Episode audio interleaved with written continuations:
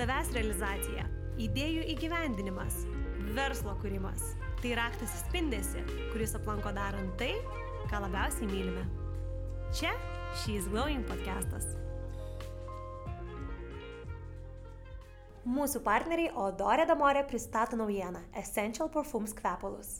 Jų bestselleris pavergintis ir moterų ir vyrų širdis Boys Imperial, kurį, kaip ir kitus kvapus, jau galite rasti jų fizinėse parduotuvėse Kaune ir Vilniuje arba www.odoredamorė.shop. Sveikos įsijungusios šiais Glowing podcastą. Šiandieną šalia manęs Gabrielė Anskaitytė, Bagabų prekinio vardo įkūrėja. Gabrielė, tai ar galėtum papasakoti mūsų klausytojams, ką konkrečiai tu darai? Tai Bagabu yra tvarių rankinių e, prekinis ženklas visas konceptas sueina į tai, kad aš gaminu iš Italijos prekinių ženklų didžiųjų, kas lieka, nepanaudotos kolekcijos ar kažkaip netitinka jų standartus, aš viską superku iš savo tiekėjų ir, žodžiu, jau tada gaminu tokias vienetinės, spalvotas, crazy, unikalias rankinės. Ir dar tokia kaip ir minė atšaka yra mano dirbtuvės, kad dar sunaudočiau savo ir pačios kažkokias atrižas, atlikas ir taip toliau, edukuoti žmonės apie tvarumą duoti naujų įgūdžių, soft skills ir, ir dar išnaudoti tą būtent textile waste įvesti į ekonomiką vėl atgal.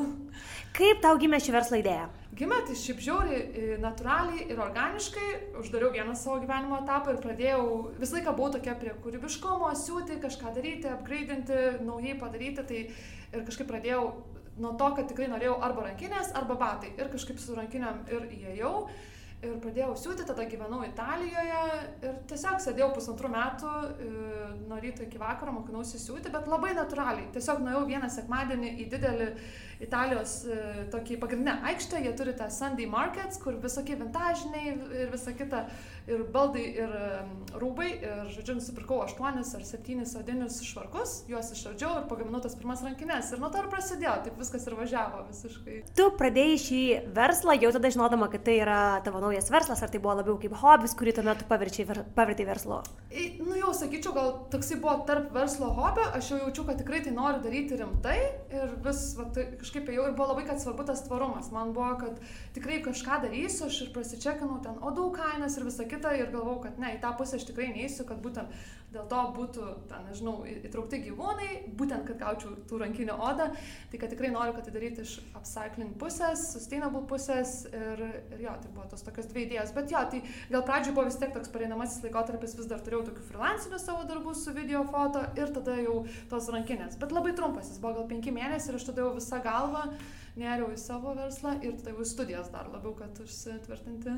Kiek metų jau gyveni Lietuvoje? E, tai sakyčiau apie kokius 10 metų, jo, jau esu išvykus iš Lietuvos 90 metų. Kodėl nusprendai išvykti? Taip, viskas prasidėjo nuo Erasmus studijų, studijų Erasmus mainų. Tai pirmą Erasmus, Erasmus praktiką išvažiavau į Italiją ir labai užsikabinau ir visą laiką galvojau, kad noriu grįžti ir visą laiką vis grįždavau, grįždavau.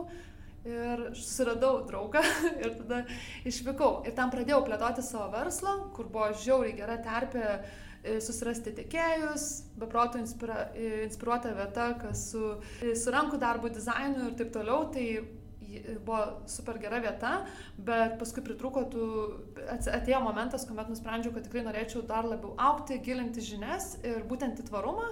Ir suaplikavau keletą studijų tiek Vokietijoje, tiek Danijoje ir buvau priimta uh, tiek Vokietijoje, tiek Danijoje, bet kažkaip nulėmė tas, kad mokslas yra nemokamas, labai fainų atsiliepimų daug e, prisi, prisiskaičiau ir kad Danija labai už tvarumą eina, tai nusprendžiau e, išvykti į Kopenhagą dėl studijų. Planas buvo būti metus, metus su pusę, bet užsitęsė iki septynių metų.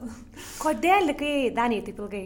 Ir kaip suprantu, neturi planų išsikraustyti. Kol kas ne. Viskas patogu, viskas iš Danijos arti ir pasiekiama. E, likau ilgai, nežinau kodėl. Mes šiaip žiauriai jokavom ten Danijoje gyvenantis, e, e, kad Danija traukia tą tokį patogų burbulą fainą, tave kažkaip ten užkeria ir tu užsibūni tenais. Tai neturi jokios priežasties, priežasties. Ir daug kas sako, kad, nu kodėl. Nežinau, patogų, faina, saugu, garantijos ir, ir visa kita.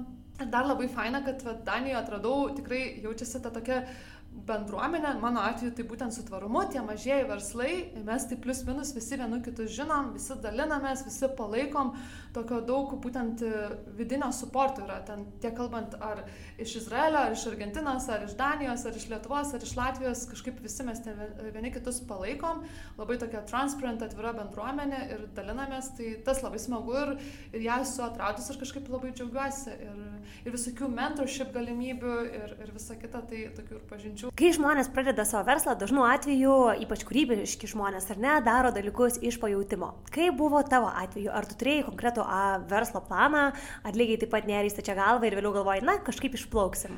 Visiškai taip. Visiškai kažkaip išplauksim ir kaip jisai buvo ten pradžioje tas mano verslas ir kaip, kaip paskui po kelių metų visai kitaip ir struktūra dėliojasi ir tikslai ir ta prasme tai visiškai buvo iš pajūtimo. Ir, bet labai daug ir išmokau iš to pajūtimo, tokių daug ir visokių klaidų, bet jo, nebuvo jokio plano, aš šiaip turiu ir tą kūrybinę pusę, bet ir struktūrinę pusę, bet kažkaip šitas visiškai iš tos tokios pajūtimo. Gabrielė, tai šį verslą tu pradėjai iš ties iš pajūtimo, nerė, ar ne? Ir dabar sakai, kad per tuos keletą metų labai daug visko nutiko ir pasikeitė. Ar galėtum plačiau papasakoti, kokie pagrindiniai suvokimai ar pamokos atėjo? Mhm.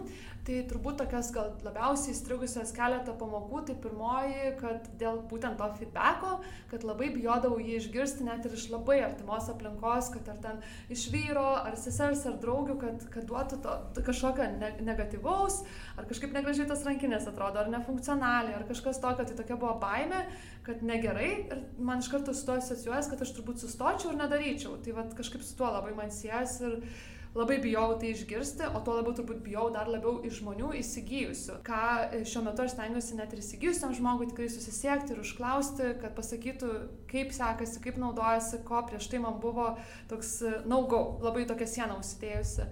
Tai čia pirmas dalykas, būtent jo iš tų patarimų, kad tobulėti ir aukti o antrasis e, prašyti pagalbos iš aplinkos apskritai kad reikia nes buvau tikrai kad viską pati ir ten nežinau ir feisbuką ir instagramą ir internetinį puslapį ir siūti viską ir karpyti ir ieškoti tiekėjų nu viską nuo a iki zet nes niekas taip nesupras tos tavo vizijos tos minties kaip čia ką daryti tai tokia labai viską irgi pati apsėmusi ir, ir tik su laiku supratau, kad truputį paleidus, paprašys, va, ten, nežinau, vyro, gal gali man padėti su website, ar e, draugės, gal tu galėtum pažiūrėti reklamas, kaip man čia daryti, kad paleist kažkokias po truputį tas e, vadeles ir, ir kuo daugiau pradėjau paleidinėti, tuo fainiau ir man tas, kad kiekvienas žmogus yra savo srities specialistas, tai yra, nu taip, nerealu, nu, man net čia nereikia kišti kojas ir aš tikrai žinau savo tos ir minusus, ir pliusus, kur aš stipri, kur ne. Ir, Tai va, jo, gal šitos pamokos ir gal net ir, su, ir dar toks paskutinis, toks iš finansinės pusės, kad nebijot painvestuoti. Aišku, jeigu yra galimybės ir, ir galės sauliaisti, nes aš tikrai bijodavau,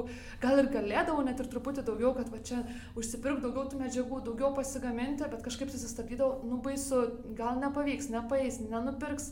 Ir dabar visiškai nebijau ir taip net kartais galvoju, net reikia, save pastumiu, ne, nu, gal nereikia, ne, neverta čia investuoti, bet sakau, nu tikrai viskas paės. Visus kartus pasiteisino, kad paėjo, tai gerai, galiu ir daugiau įsipirkti, kažką fainiau, gal net ir brangiau painvestuoti ir tada, jo, tokia drąsa dar, jo, gal finansinė drąsa. Geras, man iš tikrųjų labai įdomu būtų staptelėti prie pirmojo dalyko, kurį sakėjai, kad galbūt norėdavai netgi neklausti ar ne kažkokios e, nuomonės.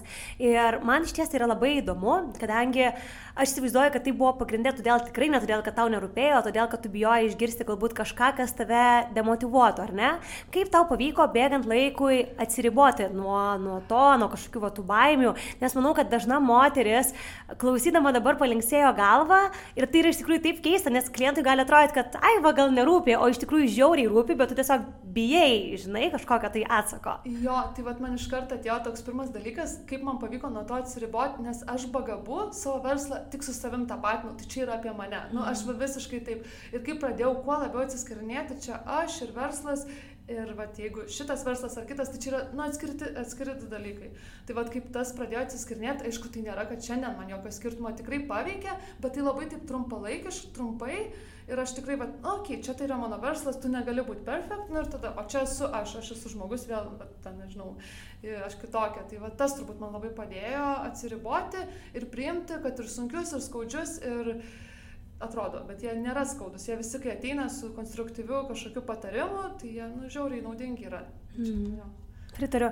Tai vienas dar iš patarimų, kaip aš taip skaitau iš to, ką sakėjai, kad tai būtų atskirti kur esu aš ir kur yra mano verslas, ar ne? Ir iš ties man labai labai rezonuoja, nes galvoju, kad visus kartus aš jausdavau irgi lygiai tą patį sustapatinimą ir vėliau dažniausiai padėdavo tai, kad atsirasdavo komanda ir tu galvodavai, ne, tai iš tikrųjų nėra aš toli gražu, tai yra daug daugiausiai mano vaikas ir tada galbūt netgi tas, kaip tu sakai, kad investuot bijai kažką, aš dažnai galvoju, kad investavimas į verslą nėra tiesiog kažkoks savęs palepinimas, tai yra patenkinimas poreikiu to baibio, ar ne, kurį, kurį mes kūrėm. Tai iš ties labai daug gerų, gerų pamokų, Gabrielė, labai ačiū, kad pasidalinai jomis. Mhm. Tai jas visą sukupiai per kiek metų? Nu, nuo 2.15, sakyčiau, taip jau pradėjo kažkas bildintis po truputį užuomasgos, bet jo, gal taip jau rimčiau, rimčiau 2.18, kaip jau ir studijas pasibaiginėjau jo. Nes buvo daug ten ir part-time darbų, visokių visko vyko tuo metu, tai jo. O kaip sekėsi tavo verslui iš esmės bėgantiems metams? Ar jisai um, su kiekvienais metais augo, ar buvo kažkokių nuopolių, kaip visą tai atrodė? Labai banguota, sakyčiau, tikrai ir buvo... E, viskas dar keitėsi nuo to, kad aš pradžioj Italijoje porą metų tą pradžią dariausi, paskui išvykau į Daniją, Kopenhagą, tai vėl skirtingos rinkos, tai buvo įdėtas įdirbis Italijoje, tikrai aš ten ir butikėlių turėjau, ir po visokias smūgės, dizaino e, važinėdavau ir visą kitą, ir tada atvažiuoja nauja rinka, vėl nu, viskas tokio nuo nulio. Tai jo, tokių visokių ir nuopolių, ir aišku buvo kiti ir part-time darbai, ir studijos, tai ir kartais sulėtėję viskas buvo. Bet, e, nu jo, visokių sakau buvo, bet gal aš labai džiaugiuosi, kad aš turbūt tikrai labai myliu ir mylėjau, ką dariau ir nesustau, nes tikrai buvo daug tikrai ir vyksta ir dabar per metus ten visokių etapų, e, kad vis tiek susi, susituriu ir vėl toliau važiuoju ir kad nebuvo tas, kad ačiū šeši mėnesiai nepaėjo, nu ir aš jau dan. Ne, nu, man toks visą laiką buvo, kad tikrai paės, nu tikrai kažkas turi, reikia išlaukti. Ok, vieniem per pusę metų, kitiem per metus, nu man gal reikia penkių metų kas, manau, nu, žiauriai iš savim dėl to didžiuojuosi ir džiaugiuosi, kad iškenčiau ir, ir, ir dabar tikrai viskas gerai, dabar tik aukštyn eina. Gabrielė, verslą tiek metų vystai viena. Ar niekada nebuvo minčių turėti verslo partnerę?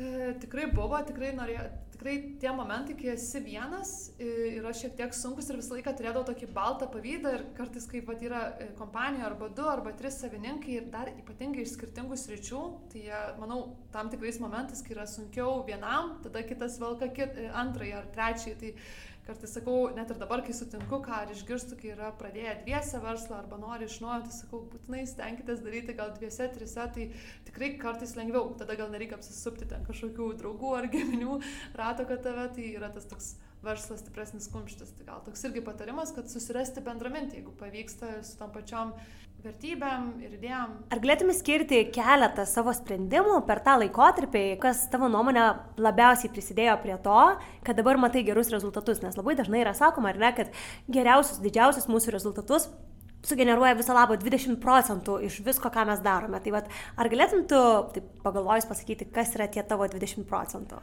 Nu man vienas toks ateina, kad aš kai tikrai uždariau tas duris į savo dairimąsi, į kito, kito darbo paiešką, nes visą laiką, kai ten nebuvo pilna koja, ten ir nebuvo pilna koja, žodžiu, ir buvo visą laiką kažkoks toks tampimasis ir viena smegenų pusė visą laiką. Tai gal čia taip neina, man reikia ieškoti kito darbo. Nu tai vad visą laiką tas buvo, kaip aš uždariau duris ir savo pasakiau, okei, okay, nu tarkim, bent metus aš nežiūriu jokių darbo skelbimų, nieko ir tik tai tai fokusuojuosi, čia yra mano darbas, čia visiškai ir tada vat, kažkaip pradėjo visai kitaip jisai plėtotis ir aukti. Nu, ir gal dar toks vienas iš tos finansinės pusės, kada tikrai atsirišau nuo tų pinigų ir tikrai nebijodavau painvestuoti ir paleisti ar į kažkokias, žodžiu, kitas verslas rytis. Jo. Tai okay. dvi. Tai iš tikrųjų tas fokusas yra itin, itin svarbus dalykas. Jo, labai ir nes aš dar labai būdavau gal ir nuo to kažkaip tokia priklausydavo, kad kiti ir sakydavo, aš dirbu būtent ir bagabu, nes tikrai buvo etapų, kad aš ir tai darydavau full time, bet praeina trys mėnesiai, kažkas nepaina ir žmonės visą laiką vis kvestionuoja, o tai ar tu ieškaisi darbo? Mm. Ir ar ten, nes nematydavo tai kaip nu, rimta veikla, o aš ten sėdžiu po 70 valandų po savaitę, non-stop, ta prasme, į tai įsiliejus ir kita aplinkai vis dar atrodo, kad čia kažkoks hobis, nu gal tokį, jo, tai aš tada visą laiką ir pati save nustumdavau, kad, okei, okay, reiktų gal rimtai čia to darbo pradėti ieškotis tų rezultatų aplinkoje nesimato, tai vat, kažkaip tas toks nuleidavo, nuleisdavo mane ant žemės ir aš atsiribodavau, o kaip priemiau, kad taip, čia visiškai yra mano verslas, mano darbas ir, ir jo, na tada toks ir gal pradėjo daryti šuoliai tokie aukštesni ir sektis labiau. Kaip tu tuo metu jautėsi, kai kiti kvestionavo tavo sprendimą eiti šitą kryptimį? Turbūt liūdniausiai jaučiausi, tai kaip artimiausia aplinka vis užklausdavo, užkabindavo, kur tikrai tokios ir artimos draugės. Ir aš galvodavau, toks tikrai ateidavo, o fuck, nu tai rimtai nesimato. Na, aš gal tikrai nemėgstu irgi atsisėsti prie stalo, susitikus su draugais dalintis. Aš įsidėjau tą, išbandžiau, ištestavau, padariau ten AB testingą, nežinau, prisisivau naujų modelių, važiavau ten, nežinau, 20 dizaino mūgių ir sėdėti ir pasakot man kažkaip labai, nu, ne, mes susitikom pakalbėti, aptarti, jeigu mes tai paliesim, aš pasidalinsiu, tai gal per mažai dalinausi, galvoju, kad žmonėm toks įspūdis būdavo, bet vis tiek per socialinės medijas tikrai jo daug to buvo, bet e, liūdnai, tikrai labai liūdna, kažkaip toks būdavo neįvertintas bet aš turėjau tokį ir gerą tą aplinką, kur tikrai, nu, prie manęs e, on a daily basis yra žmonės, kurie visą laiką, kaip man būdavo liūdna, nu, ypatingai ten sesė ar vyras, nu, jie visą laiką mane atkratydavo, atpekėdavo, čia viską gerai darai, visi mes čia matom, kad tu stengiasi ir jie patys ten savo širdies, nežinau, kiek atidavė, tai tada vėl aš išsimiegu ir ten mano jo diena ir vėl važiuoju. O kaip tu manai, kas tiem kitiem žmonėm yra ar net tas sėkmės matavimas? Kodėl žmonėm net kildavo, tarkim, toksai klausimas, nes iš esmės kokiais rodikliais jie galėtų pamatyti, kad tau vienaip ar kitaip sekasi? Nu, aš tai manau, ką jie mato aplinkoje. Man atrodo visiškai, vat, ką jie mato uh, vizualiai aplinkoje, nežinau, turbūt uh, kad čia gal, na, nu, aš kaip pavyzdį jau tai primityviai, kad, o tai čia daugiau tų bego aplinkoje sukasi ar kažkas tokio, nu, kad, kad tai yra big, nežinau, ar jeigu ten tu turi kažkokią savo studiją, jau tokie vizualus labai išlenda, mm. ko tu gal ten nematai, kad kambariukiai, žinai, vyksta. Tai tie tokie aiškus vizualų, dideli, gal materialūs dalykai, kada tu jau juos matai, tada atrodo, kad wow, čia kažkas vyksta, mm. ar ten tu gal savo gali leisti daugiau, nu, neįsivaizduoju. Bet Taip, aš manau. Man labai įdomu paliesti temą, nes labai dažnai tikrai mūsų visuomenėje yra, tarkim, nežinau, labai švenčiama, jeigu žmogus gavo darbo paaukštinimą ar ne, nes tai kažkoks labai toksai kaip ir apibrieštas dalykas. O tuo tarpu, kaip tu teisingai sakai, kad jeigu tu neturi galbūt, nežinau, savo studijos ar kažkokio kito alepčiuopiamo daikto ar ne, bet dalykai vyksta, tu žiauriai daug mokaisi, tu matai ir augimą ir visą kitą, tai gali būti toksai, ai, nu neaišku, kuo ten nusiminėja. Ir kartais tai tikrai gali skaudinti. Tai vad labai labai įdomu, kad tai palėtė, nes vėlgi manau, kad ne, viena mo, na, ne vienai moteriai moteriai tai gali stipriai rezonuoti. Ir galbūt, bent jau mano nuomonė, tie visuomenės standartai, kas yra sėkmė, yra gerokai pasenę. Nes, tarkim, galbūt kitam žmogui tai yra sėkmė, kad tu gali dėlioti savo paties ar savo pačios valandas, ar ne, kada tu dirbai, kad tu gali pilnai realizuoti save, daryti kūrybinius projektus, atskleisti save. Tai tiesiog labai labai tikiuosi, kad su laiku keisi šitas požiūris. Ar tu pastebėjai, kad jisai kažkiek keičiasi? Kada galbūt tavo, tarkim, aplinka pradėjo jau rimtai vertinti tavo veiklą? Nežinau, aš nežinau, kaip jie dar vertina ir dabar, net gal man irgi reikėtų kaip ir savo klientą atsisės pasiklausinėti, gal ir tų žmonių. Sakau, tie artimiausi, gal tokie visiškai, kur šalia tai e, niekada nebuvo, bet jo, o jo, jų pasiklausinėti taip aiškiau, bet aš turbūt kaip pati paleidau, kad man nu, tikrai jokio skirtumo. Nu, čia yra, aš pati jaučiu, kad visas įdirbis tik auga ir didėja ir rezultatai matosi, tai aš labiau į save tik tai stengiuosi mm. fokusuotis. Ir labai buvo fainas toks momentas, nežinau, gal čia prieš metus, aš tokia youtuberė irgi seku, jinai ten apie socialinius visokius tipsus, social media ir taip toliau. Ir jinai kaip parodė savo būtuką, jinai gyvena Londone, ten 22 kvadratų, jos tripodas yra sulūžęs, ten e, lempa irgi neko kokią sako ir pažiūrėkit, aš youtuberė, ten tikrai pajamos nerealiai geros, jinai žiauriai informaciją gerą deliverina. Ir aš galvoju, jas kaip fainai, nes aš ir po šį dieną turiu savo namuose, aš turiu studiją įsirengusi, ir turiu fizinę parduotuvę Kopenhagoje ir man ok, aš labai save kankinau dar tipo finansiškai, kad būtinai čia reikia studijos, nu nes tada gerai atrodys, bus įvertinta, bus mm. matysis, nu ne, aš tikrai investuosiu geriau į savo webshopą ar geresnės medžiagas, kažkokias kolaboracijas, studija nėra man nu, pirmenybė, toks būtų labai ekstra, kaip jau turėsiu dar labiau ekstra, faina turėti. Tai vad sakau, man labai patiko ta youtuberė tokia mm. Pažvengiau aš kartu su ja ir man labai dar akis atvėrė, kad tu gali ir haikinti su paprastais kėdais, tau nereikia pro nusipirktų haikinimo batų ir aš tokį labai jo požiūrį turiu. Žinai, kaip tau ta youtuberė galbūt atvėrė akis, taip manau, kad dabar tu tą padarai daugeliu klausytojų. Tiesiog toksai priminimas, kad e, tie matai, kokie yra, lik ir jie neturi būti, ar ne, ir mūsų būtinai sėkmybė, jeigu to mes nenorim. Tai Gabrielė, labai geros mintis ir man įdomu, jeigu taip einant labai į tokius jau techninius dalykus, ar ne, tai kaip ir sakai, aš labai daug ko mokausi, ar ne, atsirado ta įdirbis, atsirado suvokimas. Tačiau man yra įdomu, ar galėtum įskirti, vad, kas tavo industrijoje, ar ne, tai yra fashion, tai yra sustainable fashion, kas tavo industrijoje vis dėlto yra geriausi marketingo kanalai. Mhm. Tai man, tai vėl turbūt yra kombinacija visokių kanalų, bet ir man turbūt irgi kaip pasakyti, įsivažiavo irgi palietus visokius išbandžius, tai nepasakyčiau, kad vienas, gal labiausiai tikrai man pavyko daug įsibandžius influencerės e, kolaboracijos, bet netrumpalaikės. Tikrai daug esu tokių trumpalaikių, pašmežavusi vieną kitą kartą, tos ilgalaikės kolaboracijos tikrai manios tokių daugiausia vaisių atnešė. E, ir jo, ir gal ir mokamos reklamos irgi visai, jo, tikės gal šiek tiek lėčiau, tai gal šitie du labiausiai sakyčiau, kad įsiskirtų ilgalaikės kolaboracijos ir, ir reklamos. Mhm. Ar tu kolaboruoji su influenceriais Lietuvoje ar užsienyje? Ir Lietuvoje, ir užsienyje. Ar galėtum čia įskirti kažkokius skirtumus ar panašumus darbo su influenceriais Lietuvoje ir užsienyje, nes iš ties, pavyzdžiui, aš pati asmeniškai nesu dirbusi su influenceriais mm -hmm. užsienyje, yra labai įdomu, ar ten dalykai yra kitokie.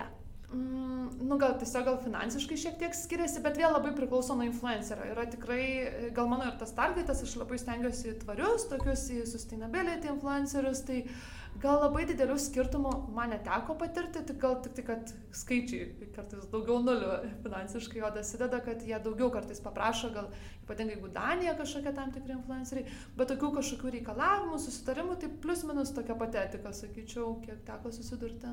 O galbūt netgi galėtum pasidalinti, kiek įprastai kainuoja reklama Danijoje, pavyzdžiui, nes tikrai Danija yra labai brangi šalis. Dabar gal tokį kaip vieną irgi didesnį influencerį teko kolaboruotis. Kaip pavyzdys būtų irgi e, influencerė, kuri dirba su tvarumu, tokia žinomesnė, turinti apie gal 60 tūkstančių sekėjų. Tai bent jau čia man paskutinį kiek kartą teko kolaboruotis, tai apie 600 eurų būtų jos paustas.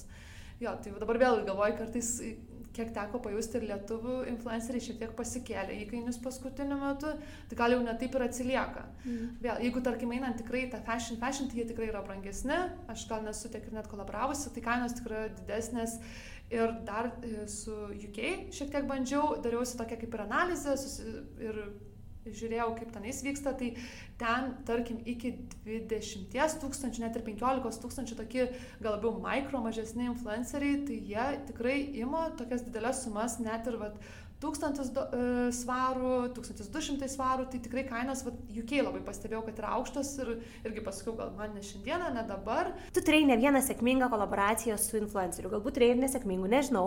Tai būtų labai įdomu, kad tu pasidalintum, kas tavo nuomonė yra labai svarbu sėkmingai kolaboracijai ir ko reikėtų vengti, ko nedaryti, pavyzdžiui. Mhm. Tai gal toksai iš mano pusės patyrimas jo, kad e, tie sėkmingos kolaboracijos, tai gal pirmas toks pasiūlymas net ir su pirma žinutė, ar apskritai tas žmogus vaibina, ar jam faina, nes aš labai drąsiai sakau, tikrai gal ne tau, gal ne šiandieną ir viskas ok, net ir įsiuntus kartais produktą, tai gal tas pirmas net kad ir to produkto ar paslaugos tikėjimas, tai manau čia jau pradžia labai gera tos kolaboracijos ir būtent gal ir net ne pušinimas, neraginimas, kad iš karto dalintis, aš ir tuo labai patyriau, kad duoti ir laiko, kad pasinaudotų, pabandytų ir vat, man ir atrodo, kad čia irgi toks visai geras tipsas, kad ne šiandien ir ne rytoj ten ar lūpdažių pultų dažytis, bet panaudotų su kad patirtim ir laiku ir naudojimu.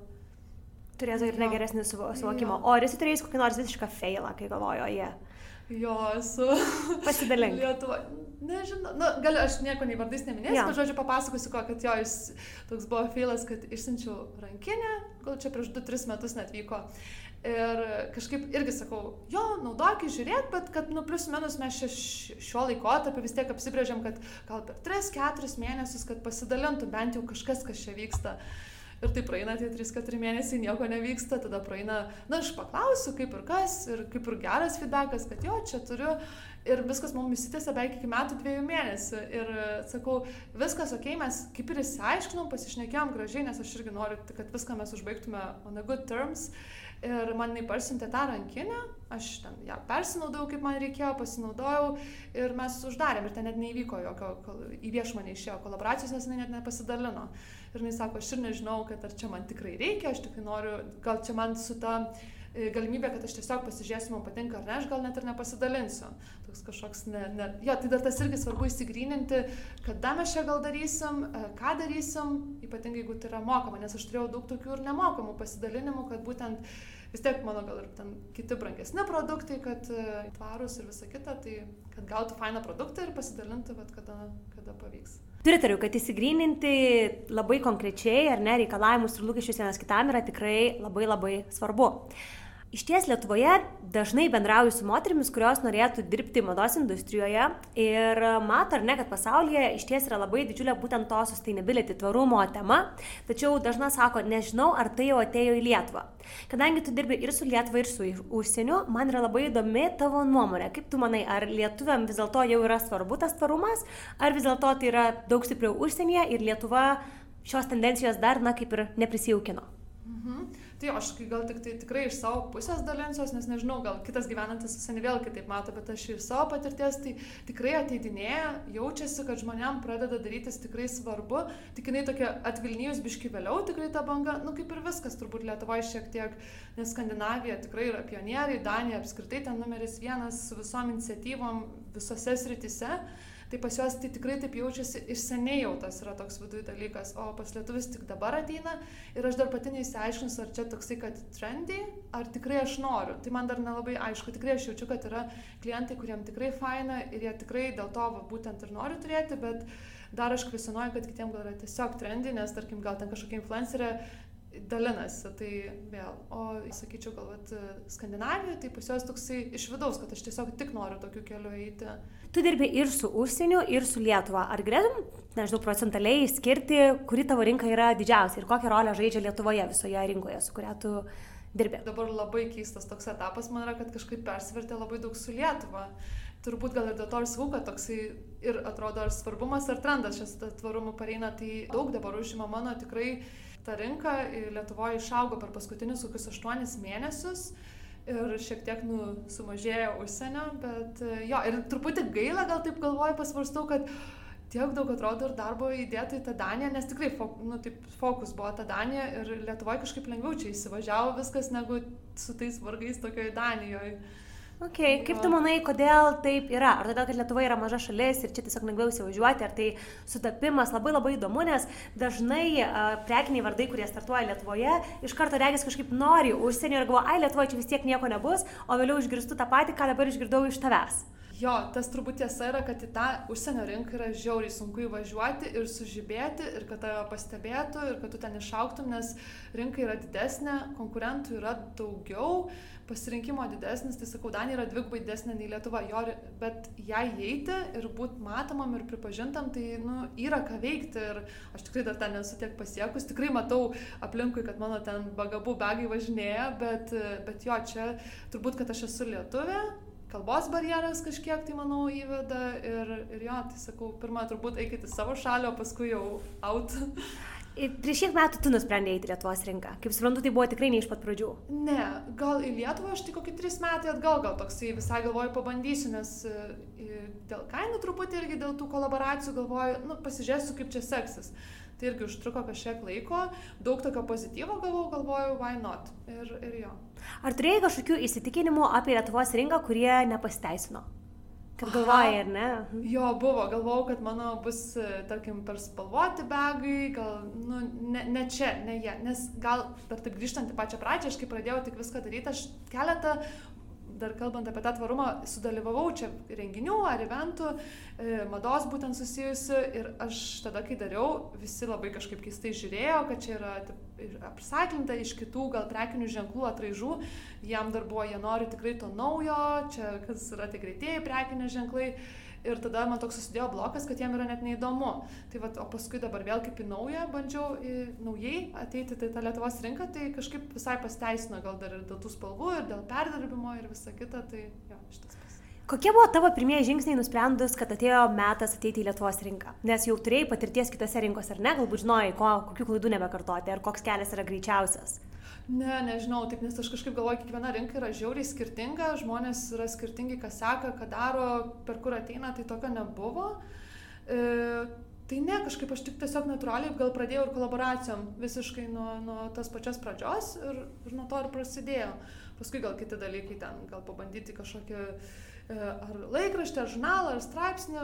Kas tavo nuomonė, Gabrielė, iš esmės yra svarbu moteriai, kuri vysto savo verslą arba nori pradėti vystyti? Ar vis dėlto tai yra žinios, ar kažkokie soft skillai, ar žmonės, kurie aplink šalia yra, ar ne, pažintis? Nes tikrai turėjau nemažai metų patirties buvimo mhm. Gal toks pirmas patarimas būtų, kad su savo tą idėją pasidalinti, nežinau, su kokiais bent keliais profesionalais, kuriais tu pasitikė, kurie turi patirties, kad gautum kuo daugiau žinių. Man atrodo, kuo daugiau aplinkoje save apsi, apsičekinti, apsižiūrėti ir, ir prašyti kažkokios pagalbos, pradedant jo, gal tokia pagalba ir kuo daugiau patarimų. Būti labai drąsiai ir su labai atvira širdim ir tarkim, jeigu tu turi vat, kažkokią mintį, kad kažką nori pradėti daryti, plėtoti, tai gal net ir bandyti, ar tu pažįsti ar ne, susisiekti su tuo žmogum ir kad prašyti jo patarimo. Aš tikrai gal pradžioj to nedariau, bet dabar tai tikrai drąsiai einu, prašau, aš tau Davilę parašiau, atsimenu per Instagramą. E, tai, žodžiu, tai tikrai, man atrodo, visi yra visą laiką linkę padėti ir patarti. Ir jo, labai svarbu turbūt apsisi, apsisupti save vienu, dviem žmonėm, kurie tave suportintų ir palaikytų ir gal padėtų įsigryninti tais sunkiais momentais. Tai čia tokia pradžia, o paskui viskas ateina su laiku. Esi iš ties labai veikli moteris ir matosi, kad tiek daug tavyje yra tos energijos ir užsidėgymo ir noro tai tuo tu tiesiog visiškai spinduliuoji, tad man labai įdomu, kokiais ateities planais tu gyveni.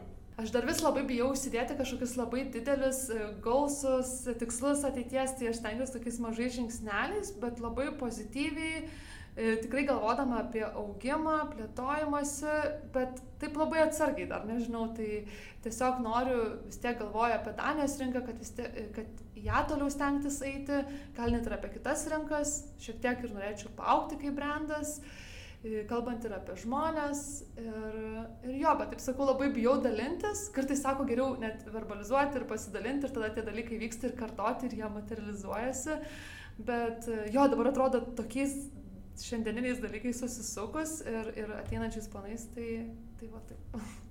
Na ir pabaigai tiesiog norėčiau paklausti, ką tu palinkėtum ar pasakytum kiekvienai moteriai, kuri nori pradėti savo verslą, galbūt mados industrijai, galbūt vystyti verslą susijusi su tvarumu, o gal tiesiog pradėti tai užsiregistruokit šis Glowing. Ten labai daug gali dalykų rasti, labai daug pagalbos, žiauriai e, supportive e, moterų bendruomenė, kur ir man atnešė labai nerealiai fainų pažinčių ir moterų ir tokia žiauriai saugia aplinka, tai gal toksai, kai dar bijai ir ten esi savo ofise ar kažkur kitur, tai toks pirmas žingsnis ir tikrai eiti, klausti, nebijoti, dalintis pabiški atsargiai ir, ir tikrai būti su atviram širdim, nes tikrai visi, visi pasirengę tau padėti ir skirti laiko ir visos ir 15, ir 20, ir 10 minučių yra vertingos ir tiesiog eiti, klausti ir nebijoti.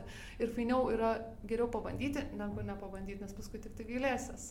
Gabrielė, ačiū tau labai, kad šiandieną buvai She's Going podcastų studijoje. Buvo labai gera tave išgirsti ir tikrai į mūsų studiją įnešiai labai daug energijos, šviesos, šilumos. Tai labai labai linkiu, kad tiek tu ir toliau, ir tavo spalvingas prekinis vardas ir toliau sėkmingai pavergtų lietuvaičių ir visų kitų širdis.